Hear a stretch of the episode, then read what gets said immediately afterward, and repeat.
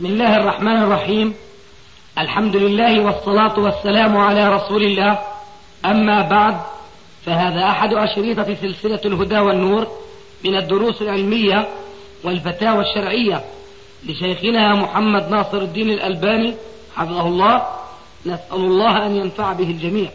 والآن مع الشريط التاسع والسبعين بعد المئة على واحد. كل في جملتهم أحسن الوقت لكن متعصب لآرائه خاصة هذه ستر الوجه قولا وفعلا. على كل حال. فيهم قليل لا هو العثيمين بالذات متعصب لهذه المسألة بشكل أي عجيب المسائل؟ وجوب ستر وجه المرأة. قولا وفعلا لاني سمعته ولو أظن رسالة في هذا المجال أما فعلا لأن أبو عبد الله علي خشان كان مارر بالطريق من عنيزة. نعم فحب يزور ال- العثيمين ويسلم عليه. فدخل وسأل عن العثيمين قالوا له يمكن في المسجد. فقال للنساء طب ادخلوا نساء البيت وأنا أذهب أراه. كان العثيمين آتي إلى الطريق. عرفوا لنفسه وقال له أنا فلان من تلامذة الشيخ ناصر وكذا وكذا. وحابين نزورك. قال له أهلا وسهلا لكن النساء. النساء علي خشان محجبات لكن كاشفات الوجه. قال له يا شيخ هذه مسألة خلافية. يعني قال له أبدا النساء ما يدخلون. فقال له إذا السلام عليكم ومضى في نفسه يعني أصل وجه أستر أبيض ما في شك. الواجب أبيض أسود يعني حتى لو كان مسموح بكشفه. تفضل تفضل لا شك. لأن الفتنة كلها في الوجه الواقع. أو أكثر فتنة في الوجه أنا على هذا يعني هو عمي الشيخ على هذا الرأي. البحث ليس في الأفضل. البحث في الوجوب. وقول الموجبين أن الفتنة في الوجه هذه فلسفة دخيلة في الإسلام. نعم ومن تمام الفلسفة نعم. حينما يقول الرجل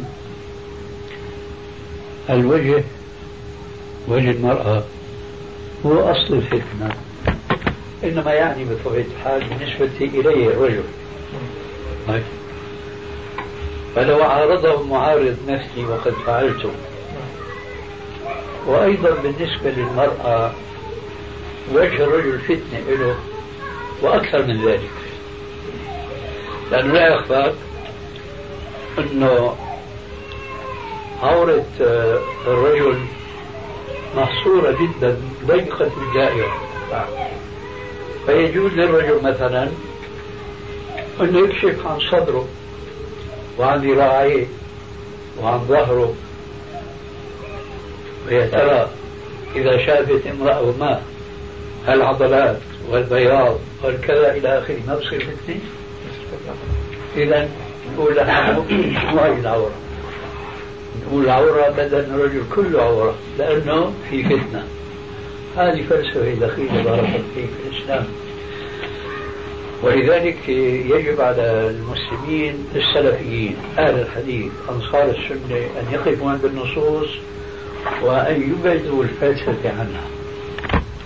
وإلا هذا يفتح علينا بابا لا قبل لنا بسده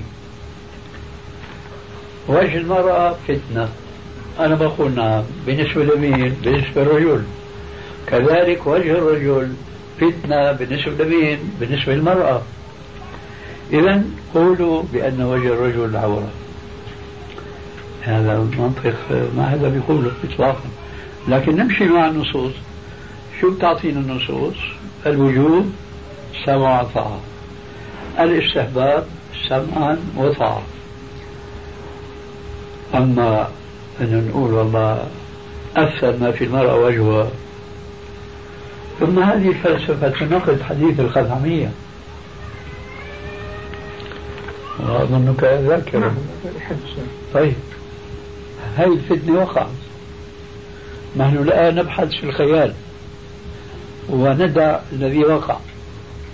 أي هناك فتنة كادت أن تقع بين المرأة والرجل؟ فما قال الرسول للمرأة؟ كفي شرك عنه. اسدلي على وجهك. وإنما أخذ برأس الفضل وصرفه إلى الجهة الأخرى. هذا تطبيق عملي من الرسول عليه السلام. وفي آخر حياته يبطل دعوة أولا أن وجه المرأة عورة هو لأنه مثار الفتنة. هاي الفتنة هنا كادت أن تقع. مع ذلك الرسول عليه السلام عالج ذلك ثاني وقل للمؤمنين يغضوا من أبصارهم وأحفظوا فروجهم. وما شيء عجيب أن العصبية المذهبية أو التقاليد البلدية تعمي حتى أهل العلم عن نصوص القرآن وتحملهم على تأويلها أبعد تأويل. وكل المؤمنين يغضوا من أبصارهم. يغضوا عن ماذا؟ إذا لم يكن هناك شيء مكشوف يغض الرجل البصر عن ماذا؟ والعجب أن الله عز وجل ما اقتصر في خطاب المؤمنين قال وكل المؤمنات يغضضن من أبصارهن إذا كل من النصين يعطينا أن في كل من الرجل والمرأة شيء مكشوفا ولولا ذلك لم يكن للخطاب الإلهي معنى إذا كانت المرأة أنا أول ما رحت الحجة الأولى ورحت للرياض يعني كنت أشوف من الصعب جدا أنه واحد يعني لا خلاق له يلحق بها ليه؟ لأنه ملايته عم تجر الأرض على الأرض وعم تثير إيش؟ الغبار. مين بده يمشي وراها؟ آه بدأت الظروف تتغير وتتغير. فإذا قال الله وقل للمؤمنين يغضوا من أبصارهم. هذا معناه أنه في شيء هناك ينبغي أن يغض البصر عنه. وفي الرجال كذلك. وقل للمؤمنات يغضضن من أبصارهن ويحفظن فروجهن. ما الذي صرف هؤلاء العلماء عن هذه النصوص. سوى التقاليد. ثم من العجب العجاب. في عندي نحو عشر رسائل. كلها صاب بردها على الألباني. وكأن الألباني جاء أمر الإبداع تكاد السماوات يتفطر منه. وتنشق الأرض وتخير الجبال هدا والألباني ما جاء بشيء جديد بل برأي الجمهور. ودعموا بالأدلة من الكتاب والسنة وأقوال السلف والأئمة. كل من دون ثار مثل عش الدبابير على الألباني أبو الآلة المودودي جاء بشيء لم يسبق إليه أبدا بالنسبة لعورة المرأة بناء على حديث معضل. أنه تعرفوا أنتم الحديث اللي نحن بنقويه هنا بضعفوه إذا بلغت المرأة المحيض لم يصلح أن يرى منها إلا وجهها وكفيها. في رواية في تفسير ابن جرير اعتمد أبو الأعلى المودود عليها إلا وجهها ونصف ذراعها ما أحد بيتعرض للرد على هذا الإنسان. ليش؟ لأنه ليس هو الألباني. لأن الألباني صار من الكتاب هذا خطر على نساء النجديات. طيب والمودودي شو الفرق؟ الفرق أنا جئت بأدلة أؤيد فيها رأي الجمهور. هو جاء بحديث ضعيف لا يقول به عالم من قبلي أبدا. وبنشوف نحن النجديات كمان هذه مشكلة ما بيعالجوها. صحيح حاطة برقع لكن هو نقرة مبينة صحيح متحجبة. لكن ذراعا مبين كل هذا نحن بنشوفه في البلاد السعودية.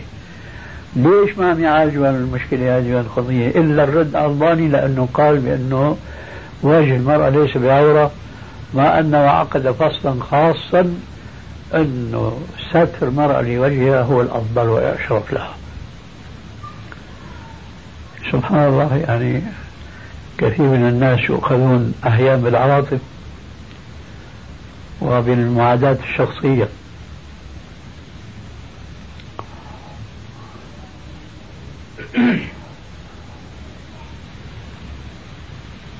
واحد شيخنا في شباب السعودية التقيت فيهم من أيام وصار يقول تعصبوا للشيخ كثير. قلنا والله إحنا الشيخ ما بعودنا على إنه نتعصب وإحنا ما نجد هذا في أنفسنا نتعصب للشيخ. بعد ما جلس حوالي أكثر من نصف ساعة طبعا يقول شيخنا ابن باز وكذا بدأ هو يتعصب. فقلت أين العصبية الآن عندنا ولا عندكم؟ فكنت ذكرت أنه أحد إخواننا وجد ثلاث طرق لحديث أسماء. فقال ولو وجد سبعين طريق. الله أكبر. لن لن يعني ما نرد عليه ولو وجد سبعين طريق. إذا هذا ما أصبح يعني هذا هو التعصب بعينه في حديث الخاتمية ما في دليل على أنها كانت كاشفة عن وجهها وإنما كان لا إنما كان ينظر إلى سواد بدنها. الله أكبر. من يقول هذا يا شيخنا؟ الشيخ بن باز في بعض رسائله. لكن أعجب من هيك سمعتها في الإذاعة السعودية مدة شهر ونص وسجلتها عندي لأني بدي أنشرها ورد عليها. قال حديث الختامية واحد من هذول بيذيعوا يعني من الرياض. بطبيعة الحال ما حضرت اسمه. بيقول آه، ليس في الحديث تصريح بأنها كانت كاشفة لوجهها وإذا فرضنا أنها كانت كاشفة عن وجهها فبيجوز أن هي ما تعرف أنه وجه المرأة عورة. الله أكبر. وكل القصة صارت أمام الرسول فإذا ما بتعرف ما بيعلمها الرسول هذا معناه نسب الرسول إلى إقرار إيش؟ الخطأ. بل إقرار الحرام يرتكب أمامه ولا بين للناس. هاي في الإذاعة العالم الإسلامي كله يسمعه.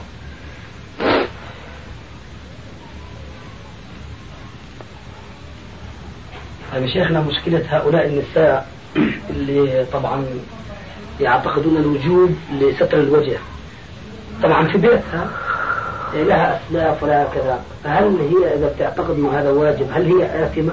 طبعا آثمة ماله؟ الله آثمة باعتقاد أنه واجب ولا ولا في كشفها وجهها؟ كيف؟ إذا اعتقد أنها واجب واجب كشفت وجهها إيه بيكون آثمة إذا كشفت عن وجهها إيه. وهذا السؤال شيخ بالنسبة لل للسطر اللي بيحكي فيه ابن ابن كثير هو السطر والنحر بالنسبة للآية.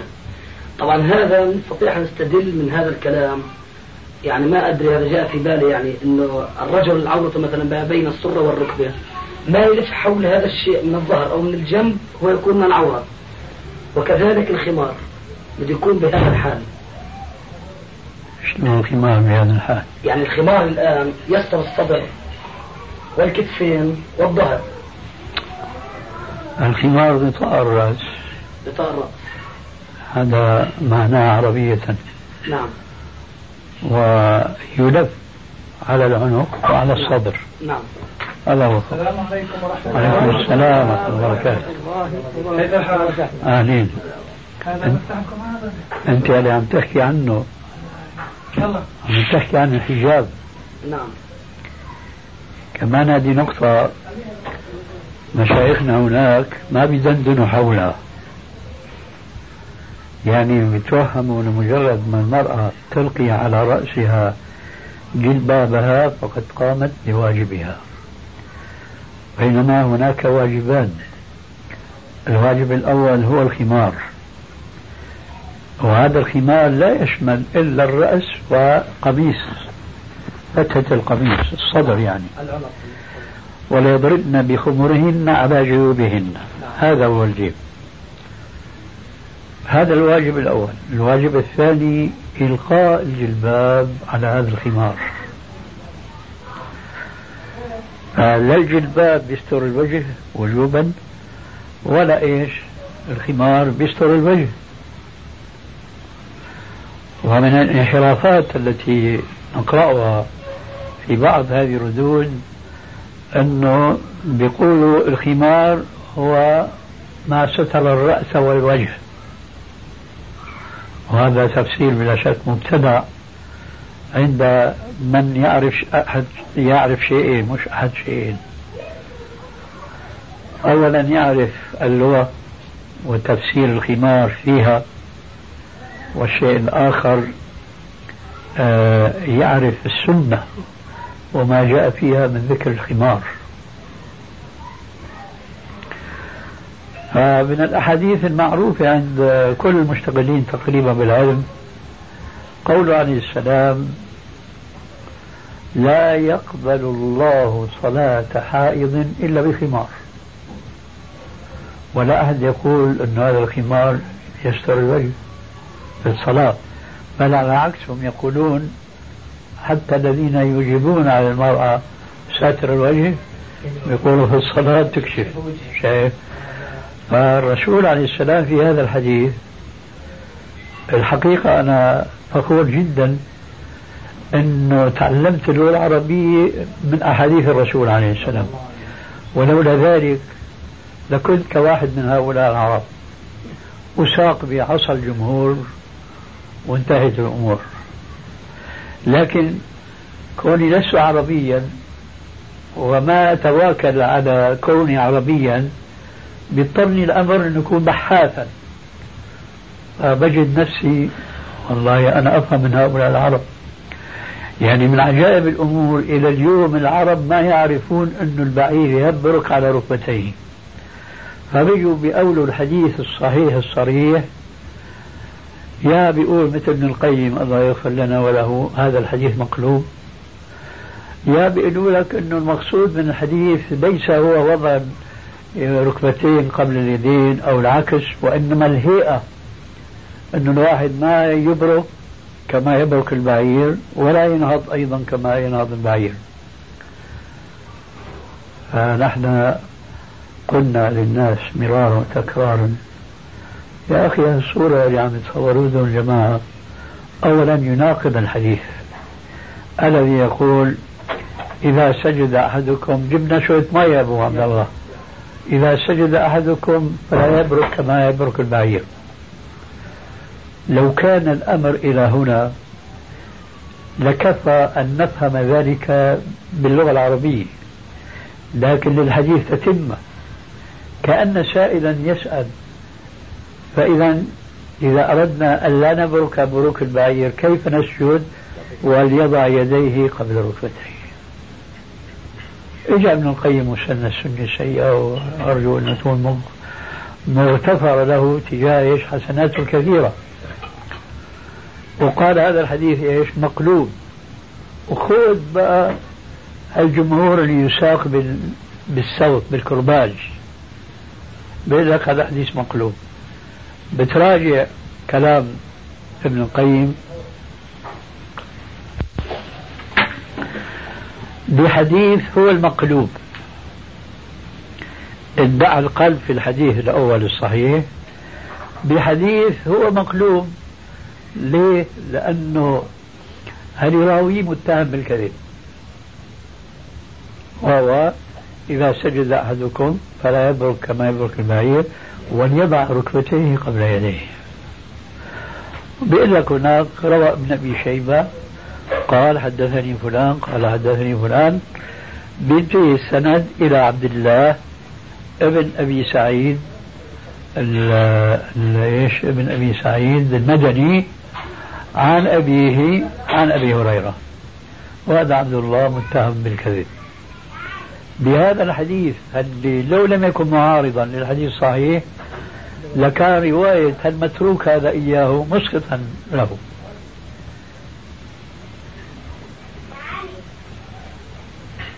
اللغة كلها تشهد والنصوص العربية تؤكد أن البعير يبرك على ركبتيه. والعجب مما سبق أنه ابن القيم في آخر بحثه جايب أثر عن عمر وهو صحيح. هو بدعم رأيه أنه السنة يبرك على ركب لكن ما بينتبه أنه بيهدم رأيه أنه قول من يقول بأنه ركب البعير في مقدمتيه. شو هو الأثر؟ بيقول عن عمر أنه كان إذا سجد برك على ركبتيه كما يبرك البعير. إذا هيك البعير بيبرك والرسول عم يقول لو ما كان هذيك الزيادة إذا سجد أحدكم فلا يبرك كما يكون يبرك البعير. بعدين في أحاديث صحيحة. أحدها في صحيح البخاري والآخر في صحيح مسلم. الذي في صحيح البخاري أن الرسول مرة آه، خطب في الناس وقال لهم ما تسألوني عن شيء إلا أخبرتكم به. قام واحد سأل سؤال ما أذكر شو هو قام واحد ثاني أين أبي؟ قال له في النار. وغضب الرسول عليه السلام أشد الغضب من هالأسئلة هي مرت عليه قال فجاء لعله ذكر عمر أو غيره من الصحابة فبركوا على الركب وقالوا يا رسول الله إنه ائذن لنا أن نقطع رأس هذا السائل لأنه أغضب الرسول عليه السلام. أما الحديث الآخر في مسلم أو يتعلق بقوله تعالى لله ما في السماوات وما في الأرض إن تبدوا ما في أنفسكم أو تخفوه يحاسبكم بالله فيغفر لمن يشاء ويعذب من يشاء والله على كل شيء قدير. جاء الصحابة إليه وبركوا على الركب وقالوا يا رسول الله أمرنا بالصلاة صلينا وبالحج حجينا وإلى آخره. أما أن يحاسبنا الله على ما في قلوبنا فهذا مما لا طاقة لنا به. فقال عليه الصلاة والسلام أتريدون أن تقولوا؟ كما قال قوم موسى لموسى سمعنا وعصينا؟ قولوا سمعنا وأطعنا.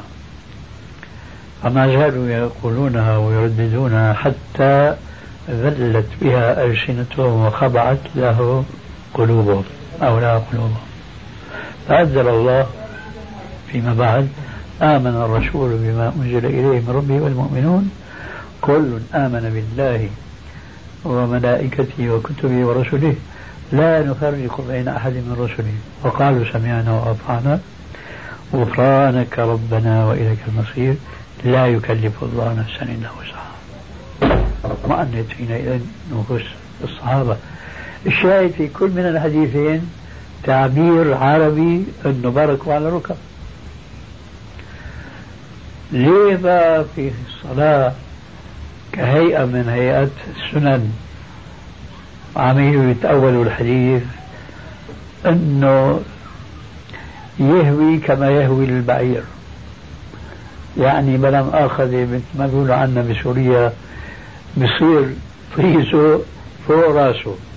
لك يا جماعة هذا مو شرط أنا بدل ما أتلقى الأرض بركبتي ها ما في بين الأرض وركبتي إلا ثلاث أربع أصابع بيكون إيش؟ تلقيت الأرض بكفي وأنا كأني منتصب وكذلك لما بدي ينهض بنهض وكأني أنا قطعة واحدة فبيتخيلوا الأمور تخيلات مشان إيش؟ مشان ينبذوا الرأي الخاطئ. لا إله إلا الله. اللهم اهدنا فيمن هديت قرح ركبتا البعير في مقدمتيه وكذلك كل ذوات الأربع. الهرة الأرنب الخيل هلا تذكرت شيء؟ مناسبة الخيل. لما الرسول عليه السلام هاجر من مكة إلى المدينة لحق به سراقة ابن مالك بن جعشم. نعم. أحسن فهو عم يطارد الرسول عليه السلام على فرسه. لما اقترب من الرسول عليه السلام واصل مقدمة الفرس إلى الركبتين. كل هذه النصوص لا قيمة لها. عند مين؟ عند العرب. والله لو لا عاجب أمثالنا نحن كان هذا موقفهم كان عجبا. نعذركم يا شيخنا يعني لو عندكم هذا. إيه لا حول ولا قوة إلا بالله.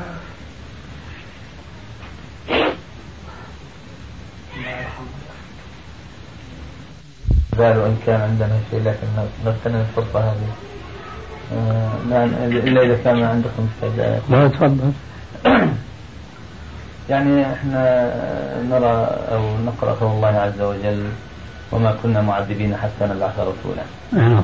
ونرى أن في هذه الأيام يعني ملايين من البشر يعيشون في معزل عن العلم. البهائم. إيه، نعم. فالحقيقة وقد انقطع الوحي وما عاد الرسل يأتون نعم ينذركم به ومن بلغ اي نعم وطبعا نحن نعرف يعني حكم أهل الفترة في هذه المسألة بالذات فهل يقاسون هؤلاء على أهل الفترة؟ وما هو الشيء الذي يؤاخذون به؟ ولا يؤاخذ أو الشيء الذي لا يؤاخذون به شرعا. هو في اعتقادي لا يخفاك أن علة التكليف لا توصي حريص شيخنا لأن خشيت انه يفوتنا هذا الله يبارك فيك. وما نسمع إلا انفاسكم شيخنا. أي نعم. الله يجزيك الخير يا شيخ أبو آه، تفضل. نص الحكم على طائفة من الناس أو شعب من الشعوب أو أمة من الأمم. من السؤال ولا آه حديثك الموصول آه يعني مع ملاحظة أن الرسول عليه الصلاة والسلام ذكر بأن أباه في النار آه. ولم يؤذن بالاستغفار لأمه. آه. فهذه المسألة أيضا نريد توضيحها أردت أن أقول أن مناط الحكم في المؤاخذة وعدمها هو وصول الدعوة وعدم وصولها. فأي جماعة أو أي شعب أو أي أمة نفترض أنها لم تبلغها دعوة الرسول عليه السلام وهذا اللي بيهمنا بالنسبة لخاتم حين ذاك يرتفع القلم عن هؤلاء. ولا يؤاخذون بكفرهم وبضلالهم. ما دام أننا افترضنا أنهم لم تبلغهم دعوة الرسول عليه السلام. آه الشيخ آه، محمد جزاه الله خير ذكر الآية لينذركم به ومن بلغ. وهذه الآية فيها لفت النظر لبعض الناس الذين يستشكلون هذه المسألة آه، بسبب قوله تعالى لتنذر قوما ما أنذر آباؤهم فهم غافلون إذا ما دام أن آباءهم آه، لم ينذروا فإذا يتبادر إلى الذهن أنه من أهل الفترة أنا أقول أولا الآية عطفت. قال لأنذركم به ومن بلغ. وهذا يعني أن النذير لا يشترط في إقامة الحجة أن يكون اتصل بالقوم مباشرة بجسده وصوته ودعوته. هذا طبعا واقع ولكن ليس شرطا. إنما المهم أن تبلغهم الدعوة. والذي يؤكد لنا هذا أنا أقول أولا الآية عطفت. قال لأنذركم به ومن بلغ.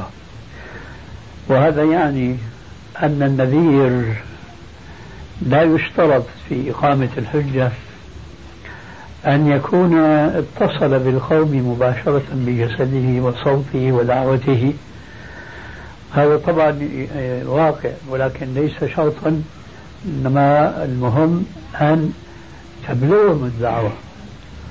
والذي يؤكد لنا هذا أن أي نبي وبخاصة خاتم الأنبياء لو أتى قوما وبشرهم وأنذرهم لكن فيهم رجل أصم فإذا هذا جاءه الرسول مباشرة لكن ليس هذا هو المقصود. المقصود أن تصل الدعوة إليه وهذا باعتباره أصم. أو باعتباره أحمق أو نحو ذلك فهو غير مؤاخذ لأنه لم تبلغه الدعوة مع أن الشخص الرسول اتصل به. العكس بالعكس تماما. وأنا أقول بهذه المناسبة لهؤلاء الذين يتمسكون بالآية السابقة لأنذركم به ومن بلغ. أن نحن الآن المسلمين آه على هذا الفهم الضيق للآية السابقة وما إيش؟ لتنذر قوم ما أنذر آباؤهم. نحن أيضا ما جاءنا من نذير لكن نحن جاءتنا الدعوة وبلغتنا. ولذلك فنحن مكلفون وإذا لم تستجب فنكون يعني غير معذورين. نفس الكلام يقال تماما بالنسبة لأهل الفترة قبل الرسول عليه السلام. ومنه نستطيع أن نأخذ جواب الحديثين اللذين ذكرتهما آنفا. لا نستطيع أن نقول أن الذين كانوا قبل الرسول عليه السلام كلهم من أهل الفترة. ولا نستطيع أن نقول كلهم ليسوا من أهل الفترة. لا نستطيع أن نقطع بأن كل فرد من أفراد العرب اللي كانوا قبل الرسول بلغته الدعوة. كما أن العكس لا نستطيع أن نقوله أنه كل فرد من أفراد هؤلاء ما بلغتهم الدعوة إذا القضية آه، مربوطة بالبلاغ وعدم البلاغ. إذا كان هذا بينا كما تعلمون حينئذ نقول إذا جاءنا خبر عن الرسول عليه السلام صحيح بأن فلان كان من أهل الجاهلية وهو في النار نحن نقطع فورا أن هذا بلغته الدعوة. وإلا ما كنا معذبين حتى نبعث رسولا. ولا أخفاكم أن الآية هذه آه، تعني أيضا رسولا إما مباشرة وإما بدعوته فإذا ثبتت هناك أحاديث مثل حديث إن أبي وأباك في النار آه، يحكم على ناس آه، ماتوا في الجاهلية قبل بعثة الرسول عليه السلام ذلك يعني تماما أن هؤلاء بلغتهم دعوة التوحيد ولذلك جحدوا بها كما قال تعالى وجحدوا بها واستيقنتها أنفسهم. اليوم كما أشرتم أمم في الشمال قطب الشمالي وقطب الجنوبي بل أوروبا بل أمريكا إلى آخره ما يعرفون الإسلام شيئا. والحقيقة كما يقال إن أنسى فلن أنسى. آه، أول لقاء كان بيني وبين بعض أساتذة الجامعة لأول سنة أظن في نفس آه، الجامعة في جماعة من أهل العلم. ومحمد أمان تذكره جيدا. أثيرت هذه القضية وأنا بينت وجهة نظري باختصار حسب ما سمعتم بشيء من التفصيل. قال الشيخ المشار إليه بأنه ما نستطيع أن نقول أنه ما بلغتهم الدعوة اليوم الأوروبيون والأمريكيون ونحو ذلك لأنه ما شاء الله هي القرآن يتلى في الإذاعات ليلا نهارا أن الشيخ الله يدينه وإياك العرب ما عم يفهموا الكلامات حتى يفهموا العاجم. فإذا قلت له الأعجم يقول قل والله أحد الله الصمد راح يقول مثلا بشيء من الصعوبة. لكن هو داري أنه هذا بيهدم الصليب تبعه والمعبود بالباطل. ما يدري ولا يبقى شيء. فإذا ليس المقصود ببلوغ الدعوة ألفاظها وإنما المقصود بها معاني الدعوة وحقائقها. سماعها على الوجه الذي يحملها هو كذلك هي حقائقها. ولهذا أنا بقول اليوم كثير من المسلمين الذين نراهم في ضلال مبين ويشركون ويجعلون لله أندادا وهم لا يعلمون. المشركين الأولين وهم يعلمون. صحيح. أما جماعتنا لا يعلمون. الله أكبر. هذول ما نستطيع أن نحكم لهم بنار. لأنه مين بده يقيم الحج عليهم؟ المشايخ الذين يحيطون بهم هم سبب ضلالهم. بيسموا الاستغاثة كما تعلم توسلا ونحو ذلك من الضلالات والانحرافات. فهؤلاء ما بلغتهم الدعوة إذا على هذا شيخنا نحمل قول النبي عليه الصلاة والسلام والذي نفسي بيده لا يسمع بي يهودي ولا نصراني من هذه الأمة ثم لا يؤمن بي إلا دخل النار. إلا دخل النار. إذا هنا السماع المقصود به الحق. السماع الحق الذي عناه الله أيضا بقوله تبارك وتعالى وإن أحد من المشركين استجارك فأجله حتى يسمع كلام الله, الله. ثم يبلغه مأمنك نعم. طيب هنا شيخنا في آه، سؤال أيضا متصل بهذه المسألة بالذات وهو الرسول آه، صلى الله عليه وسلم يقول ما من مولود إلا يولد على الفطرة. فأبواه يهودانه أو ينصرانه أو يجسانه كما تولد البهيمة بهيمة جمعاء إلى آخر الحديث.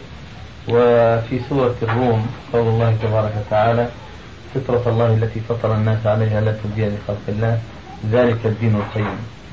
آه هذه الفطرة التي في الآية وفي هذا الحديث أليست تعني هي فطرة التوحيد؟ فيها خلاف هذه. منهم من يقول هذا وهذا هو الظاهر منهم من يقول استعداد لتقبل دعوة الحق. أيوة. لكن الأول هو الأرجح. طيب. فإذا الأمر كذلك فهل آه، يصير أو يصح لنا أن نقول بأن آه، يمكن أن نقسم الأمر بالنسبة للدعوة إلى قسمين أو للنجاة والعذاب. نقسم الناس إلى قسمين وهم أهل الفترة ومن يشبههم في أي زمان يأتي من بعد النبي عليه الصلاة والسلام. فنقول من كان آه، في نفسه هذه الفطرة لم تتغير ولم تتبدل.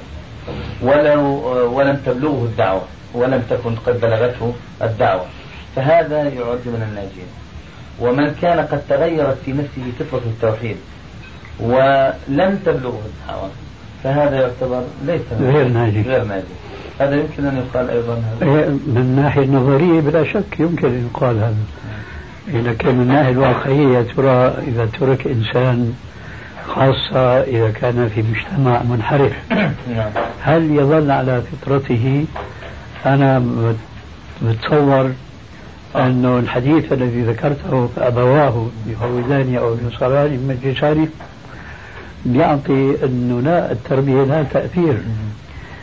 فمن الناحية النظرية هو كما تقول لأنه هذا ما أشرك مع الله أحدا. فهو ناجي بفطرته الأصيلة في نفسه. لكن تصور الأمر كأمر واقع أنا أستبعده جدا. إلا إذا تصورنا إنسان من اللي شو بيسموه العصر الحجري عايش لحاله في البراري مش عايش في بيئة تصلحه أو تفسده. ممكن هذا أن يعيش على الفطرة السليمة ويموت كذلك. على هذا نقول هو ناجد. شيخنا الآن لو نستدرك كثرة في هذا الحديث فأبواه ينصرانه أو يمسانه إذا المفهوم المتبادر في ضوء إجابتكم الطيبة هذه أن الأبوين هما اللذان يتحملان مسؤولية الولد. أليس كذلك؟ نعم لكن هذا لا ينجي الولد لا؟ لا ينجي. لا ينجي الولد. آه, آه. هم بلا شك يتحملان مسؤولية الولد لكن لا ينجي الولد من المخالف من العذاب.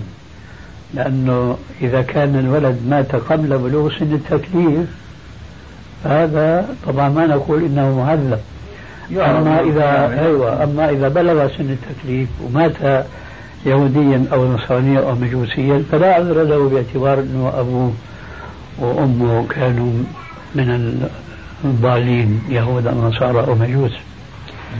فتحمل الآباء مسؤولية أبناء شيء وعدم مؤاخذة الولد شيء آخر.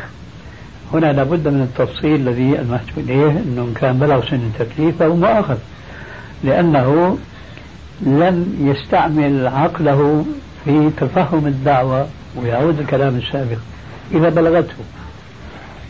إذا بلغته. نعم. يعني نحن الآن لما نتصور هذا نحن نقول في الذي لم تبلغه. لاحظ. يعني لم تبلغه الدعوة. حينئذ لا فرق بارك الله فيك بين الولد وبين الوالد.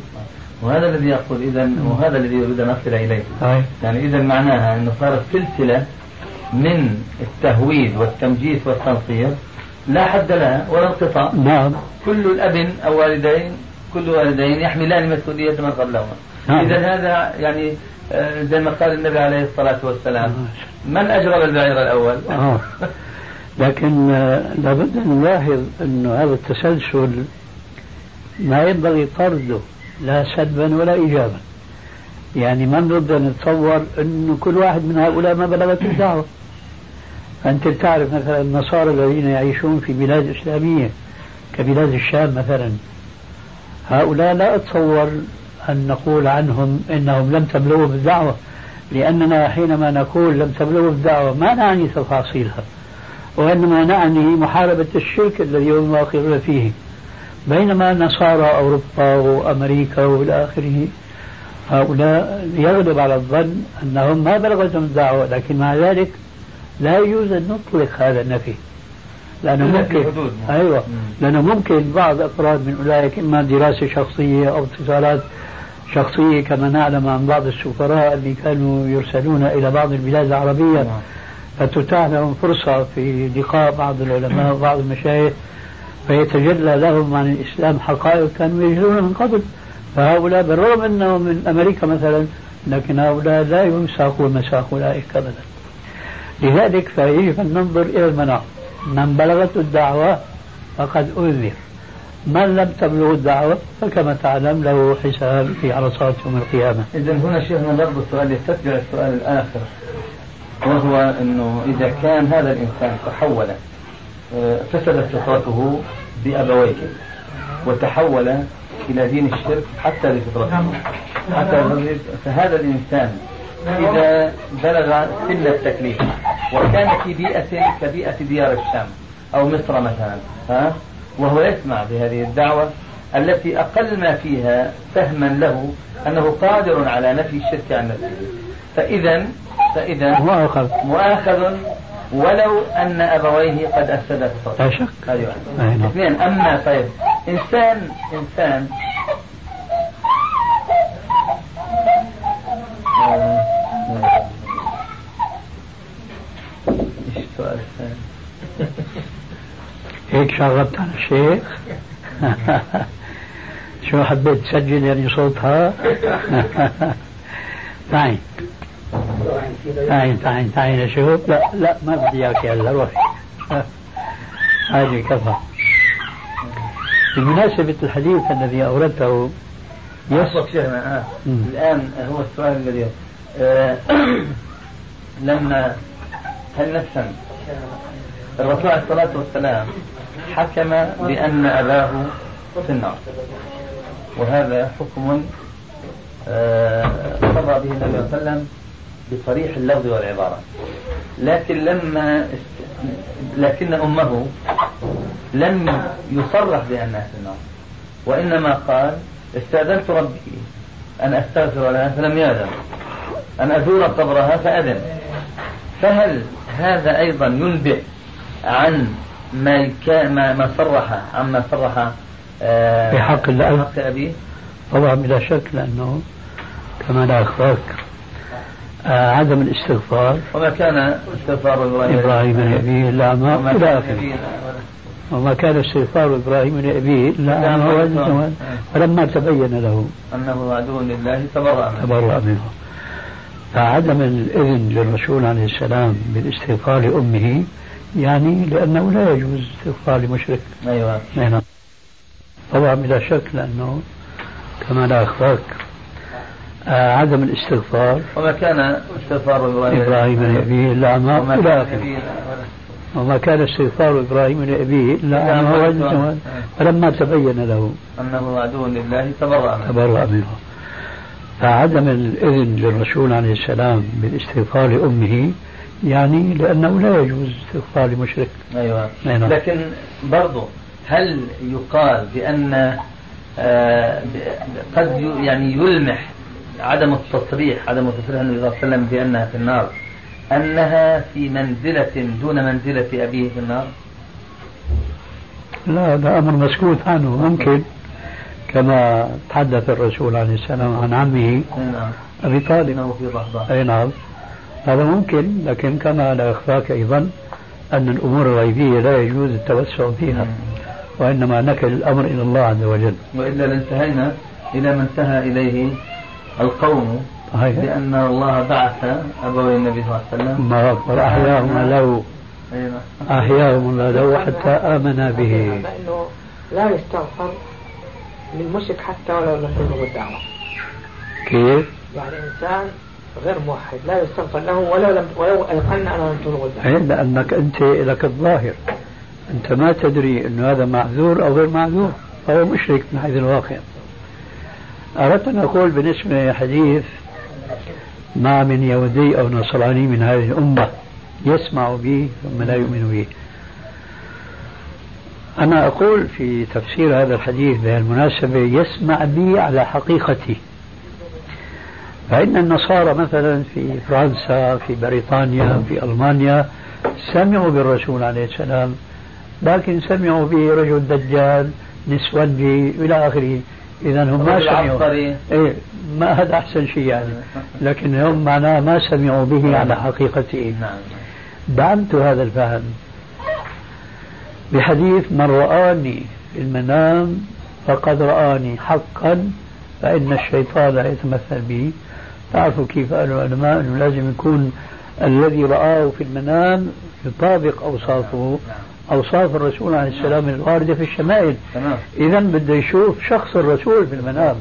مش صورة يقال له في المنام أنه شخصية محمد عليه السلام. أي نعم فهون رآني مثل سمع بي تماما أي كل منهما على حقيقته عليه السلام. هنا من حيث شخصه وهناك من حيث دعوته. نعم. موجود تاجر في عمان شيخنا آه، من رجال التبليغ. دخلت اشتري من عنده بعض الحاجيات في الجملة. بدون ما أذكر اسمه هذا التاجر معروف تاجر كبير يعني من حيث التجاره فأنا لما دخلت وجدت عنده التمائم وجدت عنده الخرز الزرقاء وجدت عنده أشكال وألوان من هاي وأصناف ما رايتها بحياتي كأنه بوصية توصاي. وين هو؟ نعم اشتريت غرضي وكل شيء منه لأنه ما في موجود لغير عنده بتصور يعني. أنا ما وجدت لغير عنده. فقلت له يا أخي أنا بدي أنصحك لله هذه الأشياء تعرف إنه ما بيجوز بيعها ولا التعامل فيها؟ البرداي قال بيعها ما فيها متأمل التعامل فيها طبعا ما بيجوز وإحنا ننصح الزباين إنه هذه تعمل كذا وتساوي كذا وبتعمل كذا. ما شاء الله. فقلت له يا أخي هذا كلام ما بيجوز يعني وتعاون على البر والتقوى. فهذا ما هو من تعاون على البر والتقوى هذا. أنت ممكن تبيعها لشخص ويأخذ منك كلام زي ما لكن له قصد آخر فيها. يقول لي أنا معروف وأنا هيدا على أمريكا بالدعوة. ما شاء الله. تنزل معي ما شاء الله. وهي التذكرة جاهزة. ما شاء الله. فقلت يا شيخ إحنا قبل أمريكا الآن نقول لك عن هذه الأشياء. قال لي أنا بدي انزل على أمريكا. في الدعوه هي تذكرتي جاهزة. تنزل معي وتظهر ما فيش منه فايدة هذا. آه، أي فتنة. سبحان الله. الذهاب لأمريكا فتنة. نعم. يعني يصدق فيه من جماعة دون قوله تعالى قل هل ننبئكم بالأخسرين أعمالا؟ الذين ضل سعيهم في الحياة الدنيا وهم يحسبون أنهم يحسنون صنعا.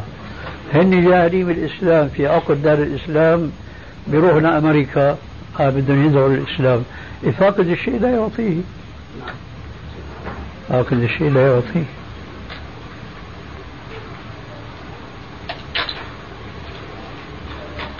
يعني الأغنياء دون صحت لهم فرصة يظهروا أمام الناس أنه نحن جماعة الدعوة.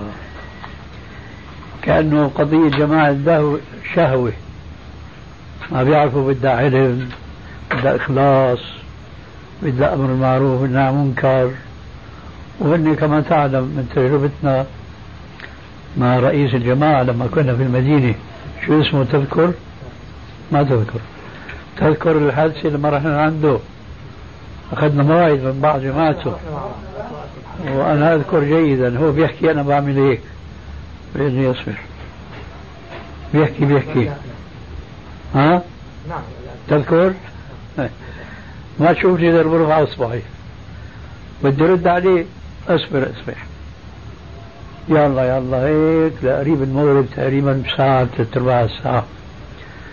أنا حديثه حديثه كأنه عوام جالسين بين يديه. يعني قصة يوسف لعلك تذكر. وبعض العبر التي تؤخذ من هذه القصة درس يعني ينفع العامة. لكن جايين مشان نتباحث معه في أصول هذه الدعوة. أصبر. الآن صار الوقت. وانتهى اللقاء.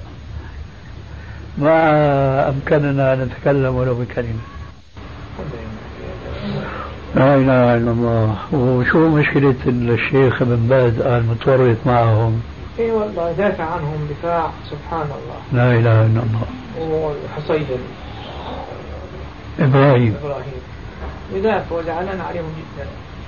وزعلان من سعد هنا خالص. هم اللي هم اللي سووا سبب هدايته هم اللي أنا مشيت معهم ما يتكلمون لا في توحيد ولا في سنة. الله أكبر. سيدي لو أنه كانوا عارفين التوحيد نص مصيبة لكن هن جاهلين التوحيد. يعني في مصيبتين الجهل بالتوحيد وعدم الدعم للتوحيد وهذا ناتج من الأول. لكن في ناس مثل بعض أفراد من الأخوان المسلمين سلفيين في العقيدة. أتيحت لهم أجواء سلفية. ففهموا العقيدة فهما صحيحا لكن لذوات نفوسهم. أما أن يدعوا إلى الله في هذا الأصل الأول من أصول الإسلام لن تسمع منهم في ذلك كلاما هذول جماعة تبليغ جماعة جهلة عمل برأي أبي حنيفة رحمه الله أربعة أيام إذا كان المدة معلومة ثم بعد ذلك إذا كان له أكثر من أربعة يتم ولا إيش رأيك؟ هذا هو رأي الإمام الشافعي مش أبو حنيفة آه ثانيا آه ما في عليه دليل العبرة بنية المسافر إذا أجمع الإقامة أو لم يجمع الإقامة. أجمع الإقامة أسبوع أو أسبوعين خلاص بده يصلي صلاة المقيم. أجمع الإقامة خمسة أيام أربعة أيام. نعم أصبح مقيما. لأنه إنما الأعمال بالنيات الرسول أجمع الإقامة أن يقيم أربعة أيام في مكة حتى يذهب إلى منى أجمع الإقامة تقصد يعني في الحاج؟ أيه تقصد في الحج؟ الحج نعم كويس بالنسبة للحج ذلك قياسا لأنه بالنسبة للحج في شائبة كونه نسك من المناسك. يعني الآن أنت ترى أن منى اتصلت بيوتها بمكة. حتى واحد مقيم في منى وحج آه. أرى أن يصلي ركعتين طيب. مع أنه هذا ليس مسافرا كان مقيما حتى بقول هذا ليس مسافرا. إذا بدنا نأخذ القاعدة العامة هذا ليس مسافرا. لكن كون في عنا نسك من مناسك الحج أنه الرسول أقام في مكة كذا وهو يقصر وفي منى وفي عرفات في آخره. هذا الحكم ما بنقدر نطرده في جميع الأماكن. وعلى هذا نقول أنه أي رجل يعني حل بلدة فما دام أنه لم يعزم على الإقامة فهو مسافر ولو أقام سنين. ومن الطرائف امبارح تسألني امرأة. مدري سعودية من البلاد الجزيرة العربية. وتقول نحن اجينا هنا من بعض البلاد العربية وناويين نقيم ثلاث سنوات. نصلي صلاة مقيم. ست سنوات. مع ذلك بدها تتأكد ظاهر هذا الرأي الشيخ تقي الدين الهلالي الله يرحمه يرى هذا الرأي. عنده واحد. اليوم شو محمد بن عثيمين سمعت أنه يفتي. إيه، مو بعيد. سمعت أنه شرها ما بعرف يعني لكن نحن نعرف هذا عن تقي الدين وعن صاحبه اللي اجتمعنا معه في بيته الشيخ محمد الزمزمي. إيه. تذكره؟ نعم. في طنجة نعم. اللي هو الغماري. لما بحثنا الغماري معه الثاني. موضوع الرحمن عرش استوى وتعرف الخلاصة هذا له رسالة في هذا المعنى. وقررها له الشيخ تقي الدين الهلالي يرون أن الإنسان بس خرج من بلده لو أقام في البلد بلد الغربة سنين فهو لا يزال يقصر حتى يعود إليه يعني فقه عجيب. الشاهد نعم. الشاهد نحن نجد في آثار السلف نعم. هذه الكلمة وهي من الدقة في مكان أنه أجمع الإقامة أم لم يجمع الإقامة. فقصة ابن عمر مع أصحابه لما كانوا في بلاد فارس في زمانه وهطلت عليهم الثلوج وسدت عليهم الطريق بقيوا في الرواية الصحيحة ستة أشهر ورواية أخرى ضعيفة سنتين وهم يقصرون الصلاة. ليش؟ لأنه ما نووا الإقامة ولا أجمعوا الإقامة بيتمنوا أن الثلوج يزول من طريقهم ويرجعوا لبلدهم. ولذلك أنا ما ارتحت لقول كمثل هذا القول السلفي. أجمع الإقامة دخل في حكم المقيم. ما أجمع الإقامة؟ وإيش الفرق بين أجمع ولم يجمع؟ أجمع الإقامة واضح. لم يجمع يعني مثل ما ذكرنا عن ابن عمر. اليوم وبكرة اليوم وبكرة وأخذت زمن طويل وطويل جدا فهو في حكم المسافر إذا عرف ثلاث سنوات معناته مقيم عرف نفسه بده آه كان مقيم. إذا عرف أقل مدة يا عمي مدة قطعت أنا التذكرة. وصول هنا يوم الأحد والرجوع يوم الأربعاء. ومصر وصول يوم الأربعاء والخروج يوم الأربعاء. معناه أتمات الإقامة. هنا تأذر بنفسك إنما الأعمال بالنيات قد تجمع وقد لا تجمع. الآن فإن أنا, أجمعت فالحكم واضح وإن لم تجمع فكذلك. أنا قطعت التذكرة الآن. من, هنا إلى مصر يوم الأربعاء وأرجع يوم الأربعاء يعني قطعة سأقيم أجمعت الإقامة سأقيم في مصر أربع سبعة أيام. هل من مجرد ما أصل أتم إلى أن أرجع. أنا ما بقول لك أتم أو لا تتم؟ أنت قل لي الآن أنا حاجز. لا عفوا. نعم. هذا فهمناه. نعم. لكن أجبني عن سؤالي نعم. أجمعت الإقامة أم لم تجمع؟ ما المقصود بأجمعة الإقامة؟ ما قلنا إيش نحن قلنا إيش المقصود بارك الله فيك. أجمعت الإقامة يعني سأقيم هنا لقضاء حاجاتي ثم أرجع. ولا سأقيم كمستوطن. لا مش لا المعنى. شرط المعنى أجمعت يعني هل نويت أن تقيم ثلاثة أيام وحددت لنفسك هذه المدة؟ لا طب حدد نفس التذكرة محدد لا التذكرة ما بتحدد. نعم. عفوك شيخنا معلش. نعم. لأنه التذكرة قد يطرأ عليك أنت أول ما تيجي للبلد. مثلا تشوف بعض الأشياء التي تدعوك إلى البقاء أكثر من التذكرة هذا أو الواقع. تقدمها أو تؤخرها. في الأصل أنا أجمعت الإقامة فالفقه الدقيق هو أجمعت العلاج الإقامة فأنت مقيم. ولو ليوم واحد. أي نعم. ما بدخل شيء ثاني عمي في الموضوع؟ موضوع الحراج الشغلات الثانية مشان جماعة. للمسافر يعني هذا المسافر ما بصير حكمه زي المقيم اللي في بلده في بيته. يعني مثلا إنسان بيجوا طلاب عمي هلا في طلاب من عمان جايين بعتاهم حكومتهم 10 أيام 15 يوم مشان تسجيل ويطمئنوا وعودوا يرجعوا وياخذوا. يعني بكونوا عارفين بيقولوا لهم الان لكم أسبوعين هون. الأسبوعين هذا حكمه زي حكم اللي في بيته ساكن في ارضه فهذا يدخل شيء ثاني مشان يغسل الصلاة. والشيء الثاني أنت بارك الله فيك المعهد الحرج. لأن هذا الحكم يتعلق بالمقيم أصالة. أي نعم. المقيم أصالة. إذا كان سيقع في حرج بعدم الجماع فهو يجمع. يجمع. نعم. لكن لا يقصر. أي نعم. آه. نعم. أي فهذا الذي أصله مسافر. ها ونفترض أنه أجمع آه، في حالة ما شعر أنه في حرج أنه يصلي كل صلاة في وقتها. فلو أن يجمع كالمقيم أصالة أي نعم. هذا هو. لكن ليس له أن يقصر. نعم. يعني, نعم. يعني هذا الحديث وحديث ابن عباس. أراد أن لا يحرج أمته. يحدد هذه الصورة تحديد دقيق جدا. يعني هذا يحدد مفهوم السفر. الناس عنها غافلون. يعني يحدد مفهوم السفر تماما إيش علاقة كي لا يحرج أمته بالسفر؟ لا مش بالسفر ما هو الحد ما مسألة لا لا بالإقامة هذه.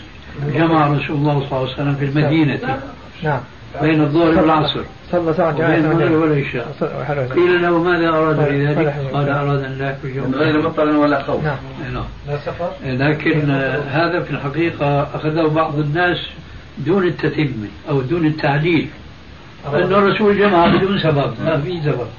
سبب الحرج. في الحرج. إيه. فهو شرع الجمع بين الصلاتين. حتى لا يحرج الإنسان حتى توقع الحرج. إيه، نعم وأما القصر فأما القصر فلا يكون إلا في السفر شيخنا آه، الحديث آه، أنا أذكر أنه حديث المسيء صلاته أنه في بعض طرقه قال إذا إذا إذا قمت إلى الصلاة فأذن ثم أقم ثم كبر هذا الطريق هذا ال- نعم هذا موجود في سنن أبي داود. لسان صححت. نعم وهو صحيح. نعم.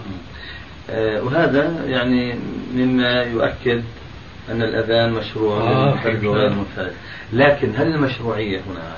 هل المشروعية تبلغ حد الوجوب؟ إذا صلى وحده. أي نعم. إذا صلى وحده. وهو بلا شك حديث المسيء صلاته. لأنه كل ما فيه القرائن القرائن نعم. وهذا الذي أنا هو هذا. لأنه هذا الحديث الحقيقة بحل يعني معضلة كبيرة في أذهان كثيرين من الناس وبرد على المتنطعين من أهل المذاهب. أنه يا أخي الأذان هذا لو تركته ما في عليك. أذان الحي يكفينا وحتى لا حتى لو ترك الأذان كله لو هجر الأذان. يعني عندهم أن الأذان سنة نعم. وأنه لا حرج من تركه حتى إلا إذا أجمع الناس.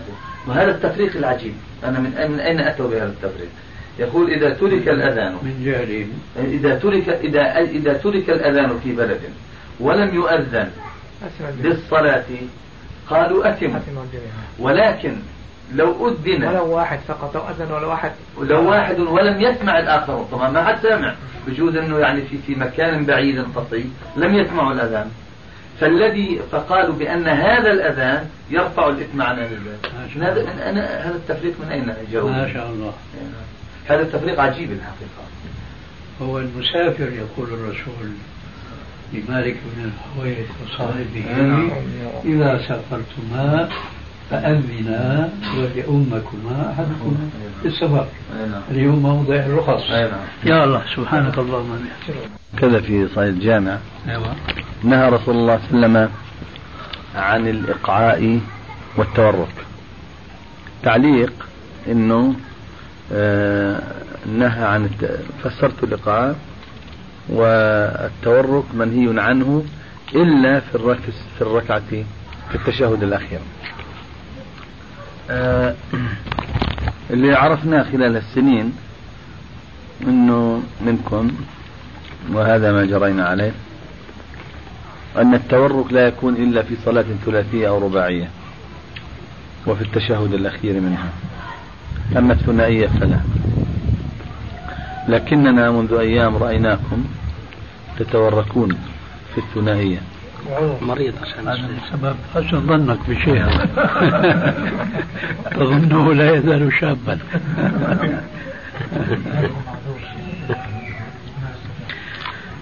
ما وجع في الركب. شديد وعم تعالج من سنة. وبهالامساك اللي صار معي يشتد الوجع في جميع البدن يزداد الوجع.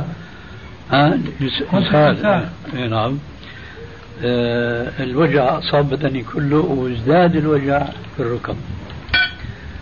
آه، أحيانا بضطر إني أتورك خاصة إذا صليت وراء إمام أعرف منه بأنه يطيل التشهد. أحيانا بجاهد نفسي وبقعد غير القعدة هذه. فالمقصود أنه هذا لعذر كالذي يصلي متربعا كما تعلم. طيب شيخنا بهذه المناسبة نود أن تبينوا لنا آه، وجه استنباطكم من الحديث حديث البخاري. أن الثنائية لا يتورك فيها وإنما يتورك في الصلاة ذات التشهدين. بدك تذكرني بحديث البخاري. هو في النساء وفي البخاري. معليش. شو البخاري؟ شو نص؟ بده نص شو نصه؟ أنا ما لأنه في اعتقادي لا يوجد هناك حديث لا في البخاري ولا في غيره. صريح في التورك في الثنائية وهذه مسألة أنا أظن كنا تناقشنا مع فيها. أبو مالك نفسه أمام أبو منير. هذا هو. أنا أردت أن أقول مع أبو منير بس بدي أقول ما أدري كان هو حاضر أم مالك لا. والسائل أبو مالك. أي نعم. لكن؟ لكن أنا لا أستحضر الآن النص وأنا حتى عندك البخاري أو النسائي؟ موجود. لا في البخاري. بس فه- عند النساء فليس في الحديث أبدا ما يشعر بأن التورك هو في الثنائية والحديث الآن بدأت يعني أراجع ذاكرتي. آه الحديث والله أعلم مختصر ولعله من حديث مالك بن الحويرث آه. مالك بن الحويرث في هذه الرواية آه يشعر بأن الصلاة ثنائية لكن لما نجمع الروايات كلها يتبين أنها ليست ثنائية وأن هذا التورك الذي جاء ذكره في هذا الحديث في البخاري إنما هو في التشهد الأخير. وهذا يعني يقع كثيرا مثل هذا الاختصار الذي يضل الواقف عليه فيما إذا لم يجمع الروايات التي يفسر بعضها بعضا. وجدت هذه الروايات؟ جمعتموها في المختصر مختصر مسلم؟ البخاري بخاري آه. الجزء الأول. كويس اللي كان عندك الجزء الأول هذا أجى الشيخ عندنا وصلى في المسجد. والإمام رفع بعد الركوع. من الركوع ووضع يديه على الصدر. فشاهدوا الإخوان الشيخ كان مقتدي في الإمام ورفع مثله. فطارت في جدي أن أن الشيخ رجع إلى رأي ابن باز في المسألة. ما ذكروا؟ إنما جعل الإمام تم به ما عرف ف- فجاءوا وسألوه أنه يعني غيرت رأيك في المسألة يا يا شيخ. ما غيرنا.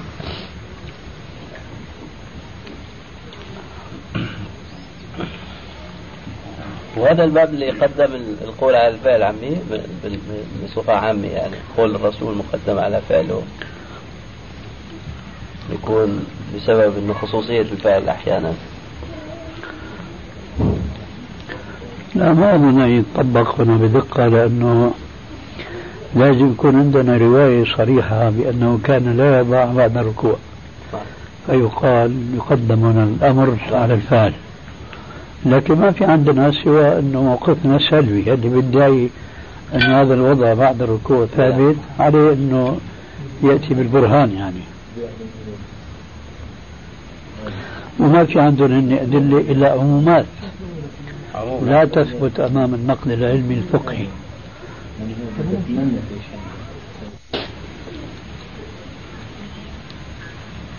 كنت شيخ أنت اشعرتني إنت في الأسبوع الماضي لما جلست انت في الركعة الثانية صلاة الجمعة إنه عندك كان ألم يعني في القدمين. لما رأيتك أنا كنت متورك لكن ما سألتك لسه. فأنت قلت أنا فعلت هذا لأني في عندي ألم. يعني زي ما إنك أنت بتذكر نحن للاخوه ما بنحارب ابدا التثني ولا التثليث ولا الأربعة. لكن نقول الزمن فاسد والتربية هو فاسده هذا المعنى المقصود. إيه بس اللفظ لا يعطي هذا المعنى. اللفظ يوهم المحاربة بالمحاربة آه. تحريم. طب أنت كيف؟ والله هيك أنا بفهمها منك انك نعم واحد بده يتزوج بتنصحه طبعا. ما في شك اني أنصحه. وممكن تحاربه كثير من الإخوان بيسألوني بقول لا تتزوجوا. لأنه هو ابدا الذي يقوله راي ما يقوله الشيخ. اللي أكثر واحد مبتدئ.